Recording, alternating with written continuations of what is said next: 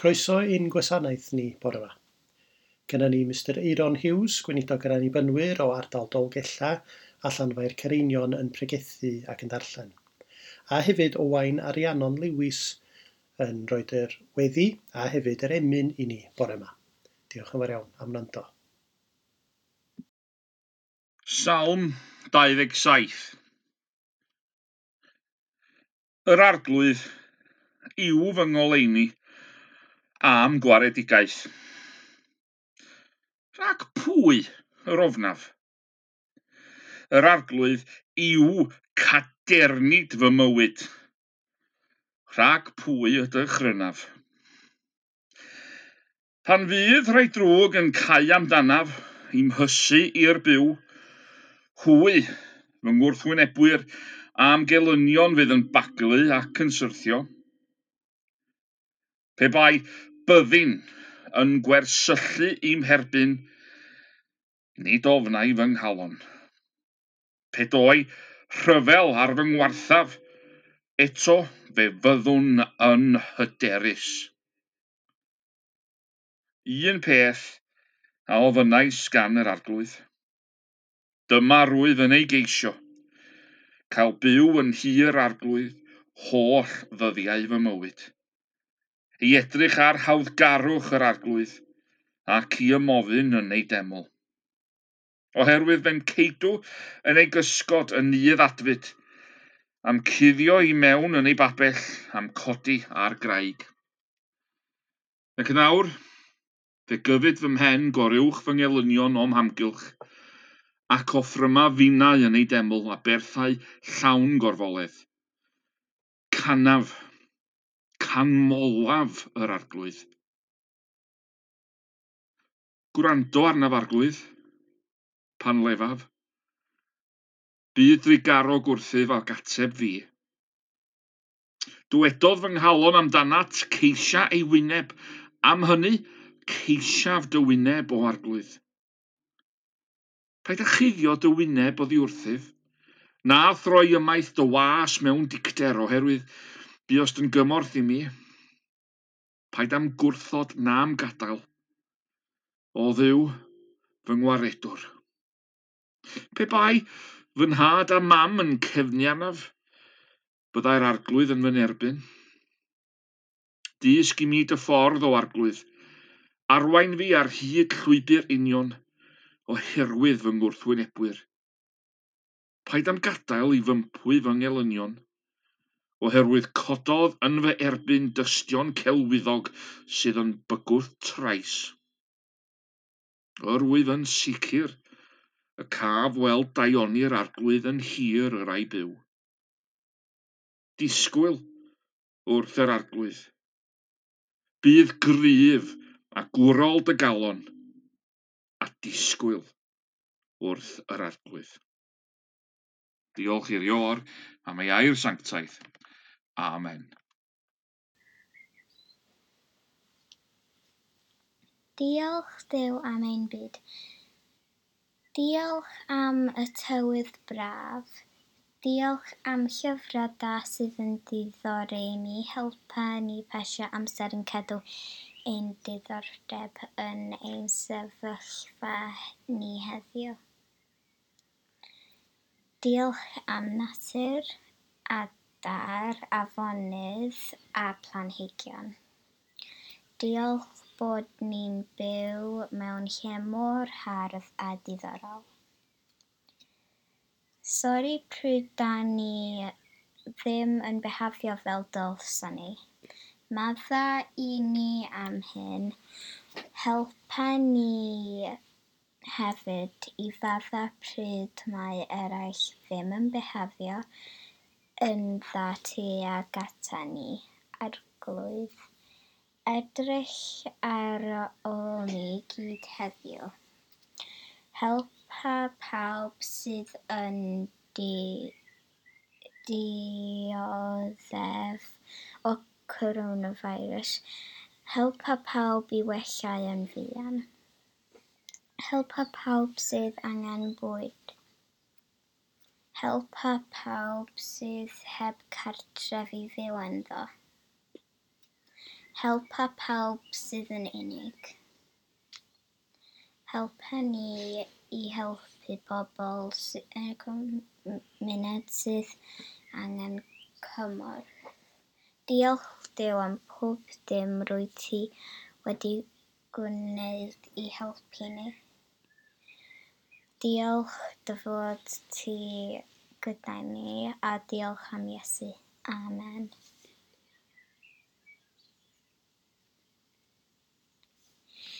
Ein tad, y hwn wyt yn y nefoedd, sancteiddiaw dy enw, deled dy deunas, gwnelew dy ewyllus, megis yn y nef, felly a ddew hefyd. Do i ni heddiw ein bara beunyddiol, a maddau i ni ein dylydion, fel y maddau ni'n ein dyledwyr, ac alain i ni pofodigaeth eith y gwarad i ni rhagdwg. Canis eiddiot i yw deyrnas anedd a gogoniant yn oes oesoedd. Amen.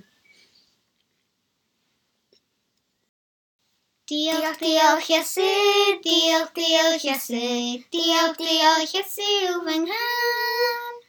Diolch, diolch Iesu, o diolch, diolch Iesu, diolch, diolch Iesu fy nghan. Fedrai fydd mwy a mai, fedrai fydd mwy a mai, fedrai fydd mwy a mai o fy nghan. Fedrai fydd mwy a mai, o fedrai fydd mwy a mai, fedrai fydd mwy a mai o fy nghan. Fedrai fydd fyw hebddo, fedrai fydd fyw hebddo, fedrai fydd fyw hebddo yw fy nghan. Verdrevet Wilhelm då, verdrevet Wilhelm då, verdrevet Wilhelm då bring han. Ef sydd yn gwyn hynal, ef sydd yn gwyn hynal, ef sydd yn gwyn hynal bring han. Ef sydd yn gwyn hynal, o ef sydd yn gwyn hynal, ef sydd yn gwyn hynal bring han. Diolch, hallelujah, diolch, hallelujah, diolch, hallelujah.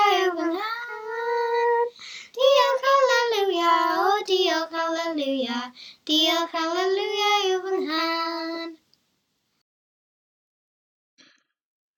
Mewn byd sydd yn wastadol yn symud, mae'r awch am sicrwydd yn un parhaol. Mae'n cymdeithas ni ar y funud yn profi newidiadau enfawr.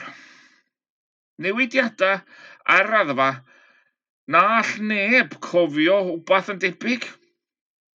Ond mae rhai yn neu gyffelebu ar newidiadau a'r ddaeth yn sgil yr ail rhyfel byd. Ond beth bynnag yw eich teimladau neu eich disgrifiad o'r sefyllfa bresennol, mae'r awch am sicrwydd yn gyffredin i bawb ohonom. Yn Salm 27, mae Dafydd yn datgan. Yr arglwydd yw fy ngoleini am gwaredigaeth. Rhag pwy yr ofnaf. Yr arglwydd yw. Ffurf presennol. Hynny ydy rwan. Nid oedd, nid fydd, ond yr arglwydd yw. Yr arglwydd yw fy ngoleini am gwaredigaeth. Goleini wrth gwrs yn hafal i obaith a gwaredigaeth. Ac wedyn, y mae o'n gofyn y cynta o ddau gwestiwn rhethregol. Rhag pwy yr ofnaf A'r ail ydy, rhag pwy, y dychrynaf. Rhag pwy yr ofnaf. Ofn. Mae nifer o bobl ar y funud yma yn ofnus, yn ofni'r feirws, yn ofn dros ei hanwyliad, ac yn ofni y dyfodol. Wyddoch chi, does na ddim cywilydd mewn ofn. Mae ofn rhywbeth yr ydym i gyd wedi ei brofi, ac yn siŵr o'i brofi eto mewn bywyd. Mae'r ffaith bod Dafydd yn gofyn y cwestiynau yma yn datgelu ei fod yn y cyfnod yma wedi profi teimladau anesmwyth o ofn a dychryn. Tydi o ddim yn breth braf iawn i brofi teimladau o ofn a dychryn. Na, tydi hi ddim yn beth hawdd iawn i gyfadda ein bod ni yn teimlo'n ofn ac ein bod ni wedi cael ein dychryn. Gallwch gofio bod bob un ohono ni rhyw dro wedi bod yn omnus. Gallwch chi gofio bod yn omnus rhyw dro yn eich bywyd. O un tro dwi'n cofio cael fy nychryn, oedd pam o'n i'n bum poed. Ac roedd y ffilm Jaws ar y teledu am y tro cynta. Dychryn, sgynna chi'n syniad, o'n i'n gwrtho mynd i bath am fisodd wedyn. A hefyd, dwi'n ofn hedfan. Edam wneud efo bod mewn awyren. Tren neu long ar y môr, gret, dim problem.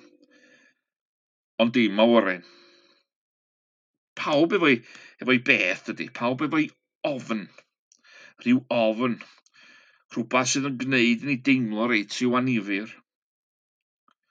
O ran tydi diw, ddim yn ein galw ni i fyw mewn ofn. Tydi Dyw ddim eisiau ni fyw mewn ofn.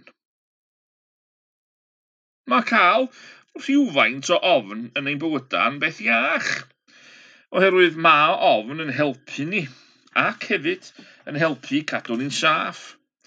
Mae ofn yn gallu dysgu ble mae'r ffin a, a faint o bell a allwn ni fentro bethau. Ond ni ddylwn byw mewn ofn neu mewn llwfdra. Yn ei ail lythyr at Timotheus, mae Paul yn ysgrifennu yn y penod gyntaf uh, seithfed adnod. Mae'n ysgrifennu hyn. Oherwydd, nid ysbryd sy'n creu llwfdra a roddodd Dyw i ni, ond ysbryd sy'n creu nerth a chariad a hunan ddisgyblaeth. Pan da ni'n ifanc ac yn ddibrofiad efallai, Tydi pobl ddim bob tro yn gweld perigl. ac felly a maent yn tueddol o fod yn or-hyderus. Mae yna rei pobl felly heddiw yn or-hyderus ac yn anwybyddu canllawiau iechyd. Ac o'r herwydd hynny, maen nhw'n peryglu eu hunan ac hefyd yn peryglu eraill sydd yn fwy bregus eu iechyd na nhw. Yn y salm yma, y mae Dafydd yn ceisio lloches rhag ei elynion. Ac yn eu plith nhw, mae o'n rhestru tystion ffals. Ac eto, wyddoch chi mae pobl tebyg i hyn yma hefo ni yn ein byd ni heddiw yma. Pobl sydd yn rhannu ac yn didoli bob math o wybodaeth sydd yn anghywir. A mae hyn yn anffodus yn cynnwys rhai o arweinwyr gwleidyddol ein byd ni. Mae Dafydd yn gofyn am un peth yn unig. Cael byw yn hir arglwydd holl ddyddiau fy mywyd. Mae hi'n gresyn ganddo ni heddiw tydi. Fod drysa ein capeli ni yn parhau dan glo. Ond na ddylwn ni dorri ein calona. Ac fel Dafydd efallai, mae yna fyddin yn gwersylla o'n hamgylch. Y feirws yma sydd wedi dod â gymaint o gysgod drosom ni hi gyd. Ond cofiwn am y dewrder a'r gofal sydd yn cael ei dangos gan nifer o bobl yng nghanol yr argyfwng yma. Mae pob un sydd yn gweithio, megis doctoriaid, nyrsys, gofalwyr, gweithwyr allweddol, gwir foddolwyr, bob un ohonyn nhw hefo'i ofnau a'i pryderon eu hunan, ond mae pob un, pob un ohonyn nhw wyddoch chi, a pob un ohono ni, yn dangos dewrder yng ngwyneb ein hofnau. Ac mae gwreiddiau dewrder wedi ei angori mewn cariad. Ac Mae cariad yn gryfach na'r tywyllwch, yn gryfach nac ofn. Ac felly, dylid cofio, mae cariad yw Dyw. Cariad yw Dyw. Cofiwn hyn yn enwedig wrth nodi adnod olaf ond un yn y salm, sef yr wydd yn sicr y cafwel daioni'r arglwydd yn hir y rhai byw. Mewn amser o gyfyngder ac o ofn, mae amser yn ymweld i fod yn, yn llusgo. Ond ni ddylem ni fod yn embarast o'n teimladau. Ond hefyd ni ddylem cael ein llethu ganddynt. Gwyddo bod yna lwybr i'w ddilyn. Llwybr yn arwain ni allan o'r hyn a ddylen ni gyd chwarae ein rôl. Disgwyl wrth yr arglwydd. Bydd gryf a gwrol dy galon a disgwyl wrth yr arglwydd. Un peth newydd sydd wedi codi yn sgil yr argyfwng. Ydy pobl yn rhannu canuon ac emynau dros y we. Mae bobl fyddwch chi yn methu y wefr honno o ganu emynau gynnu lleidfaol. Canu emynau o fawl i'r ior. Ac mae geiriau un o emynau eben fawr yn hynod o addas yn ystod yr adeg yma. Y geiriau sy'n deud, o fe Iesu bendigedig, unig gwmni fenaid gwan. Ym mhob adfyd a thrallodion, dal fy ysbryd lles gyrlan. Ac yn y pennill ola, rydym yn gweld y geiriau yma. Pwyso'r hawddfyd, hwnnw'n siglo, profi'n fian newid byd pwyso ar Iesu.